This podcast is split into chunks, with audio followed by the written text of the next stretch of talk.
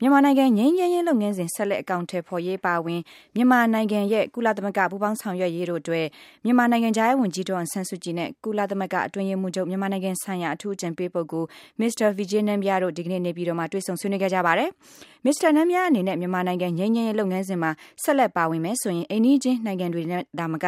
တိုင်းရင်းသားလက်နက်ကိုင်အဖွဲ့တွေနဲ့ဆွေးနွေးကြရမှာပါ ကြားဝင်ဆောင်ရွက်နိုင်မှာဖြစ်တဲ့အကြောင်းသုံးသပ်တာတွေလည်းရှိနေပါတယ်အပြည့်အစုံကိုတော့ VOA မြန်မာပိုင်းရဲ့သတင်းထောက်ကိုမိုးစော်ကပြောပြပေးပါမယ်ရှင်ဟုတ်ကဲ့နိုင်ငံခြားရေးဝန်ကြီးဌာနပြည်ထောင်စုဝန်ကြီးဒေါအောင်ဆန်းစုကြည်နဲ့ကုလသမဂ္ဂအတွင်းရေးမှူးချုပ်ရဲ့မြန်မာနိုင်ငံဆိုင်ရာအထူးအကြံပေးမစ္စတာဗီဂျေးနမ်ဘီယာတို့ဟာနိုင်ငံခြားရေးဝန်ကြီးဌာနပြည်ထောင်စုဝန်ကြီးအဲခမ်းမမှာဒီကနေ့မနက်9နာရီခွဲကနေ10နာရီခွဲအထိတနာရီလောက်ဆွေးနွေးခဲ့တာဖြစ်ပါတယ် အဓိကဆွေးနွေးတဲ့အချက်တွေကိုတော့နိုင်ငံခြားရေးဝန်ကြီးဌာနပြောရေးဆိုခွင့်ရှိသူဒုတိယညွှန်ကြားရေးမှူးချုပ်ဒေါ်အေးအေးစိုးကအခုလိုပြောပါတယ်။အဓိကတော့သူကလာတာကုလသမဂ္ဂနဲ့မြန်မာနိုင်ငံတို့ကြားမှာရှေ့ဆက်အနာဂတ်မှာပေါ့ဘယ်လိုပူးပေါင်းပြီးတော့သူတို့သူပြောတာကတော့ cooperation modality ပေါ့ ဘယ်လိုနည်းလမ်းတွေနဲ့ဆက်လက်ပူးပေါင်းဆောင်ရွက်မယ်ဆိုတာရယ်နောက်တော့အခုဗမာလုပ်နေတဲ့ peace process နဲ့ပတ်သက်ပြီးသူတို့ဘာတွေဆက်ပြီးကူညီနိုင်တယ်လဲဘယ်အခန်းကဏ္ဍကနေပြီးတော့ပါဝင်ဆက်ပြီးပါဝင်နိုင်တယ်လဲဆိုတာတွေအဓိကထားဆွေးနွေးတာပါအဲဒီနှစ်ချက်ပါပြည်ထောင်စုဝန်ကြီးဘက်ကတုံ့ပြန်ဆွေးနွေးတဲ့အချက်တွေကိုတော့အခုလိုဆက်ပြောပါတယ်ဝန်ကြီးဘက်ကလည်းဒါအများကြီးရှေ့ဆက်ပြီးတော့ပူပေါင်းလုပ်လုပ်လို့ဖို့ရှိတယ်ဆိုတာတွေပြောတာပေါ့အဓိက peace process ကကိုယ့်အတွက်ဘယ်လောက်အရေးကြီးနေလဲဆိုတာရဲ့အဲ့ဒါကြောင့်ဘယ်လိုအခန်းကဏ္ဍတွေကပါလို့ရှိရင်ကောင်းတယ်ဆိုတာရဲ့ဟိုပြောတာပါ မြန်မာနိုင်ငံရဲ့ ငြိမ်းချမ်းရေးလုပ်ငန်းစဉ်မှာ အရင်အစိုးရလက်ထက်ကတည်းက ပါဝင်ဆောင်ရွက်ခဲ့ပြီး လက်ရှိ ၂၁ရာစုပင်လုံညီလာခံ ပြင်ဆင်ရေးကော်မတီရဲ့ အဖွဲ့ဝင်တဦးဖြစ်တဲ့ ဦးလှမောင်ရွှေကတော့ မစ္စတာဗီဂျေးနမ်ဘီယားအနေနဲ့ မြန်မာနိုင်ငံ ငြိမ်းချမ်းရေးလုပ်ငန်းစဉ်မှာ ဆက်လက်ပါဝင်မယ်ဆိုရင် ဆွေးနွေးညှိနှိုင်းရာမှာ အဖွဲ့အစည်းတခုခုဘက်က ဘက်မလိုက်ဘဲ ကြားဝင်ဆောင်ရွက်နိုင်မှာဖြစ်ကြောင်း ပြောကြားပါတယ်။အထူးသဖြင့်တော့ ကျနော်တို့နိုင်ငံရဲ့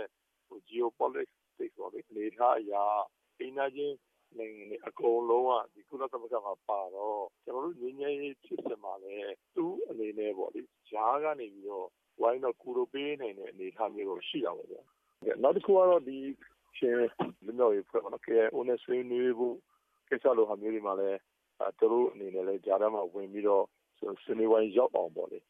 သူတို့ကူညီခဲ့တာမျိုးတွေလည်းရှိတယ်။ဟိုယုံကြည်မှုဆောက်တဲ့အချိန်မှာမြန်မြန်ယုံကြည်မှုရောက်အောင်လုပ်ပေးနိုင်တာမျိုးတွေလည်းအဲကျွန်တော်တို့ပါခဲ့တာမျိုးတွေလည်းရှိပါတယ်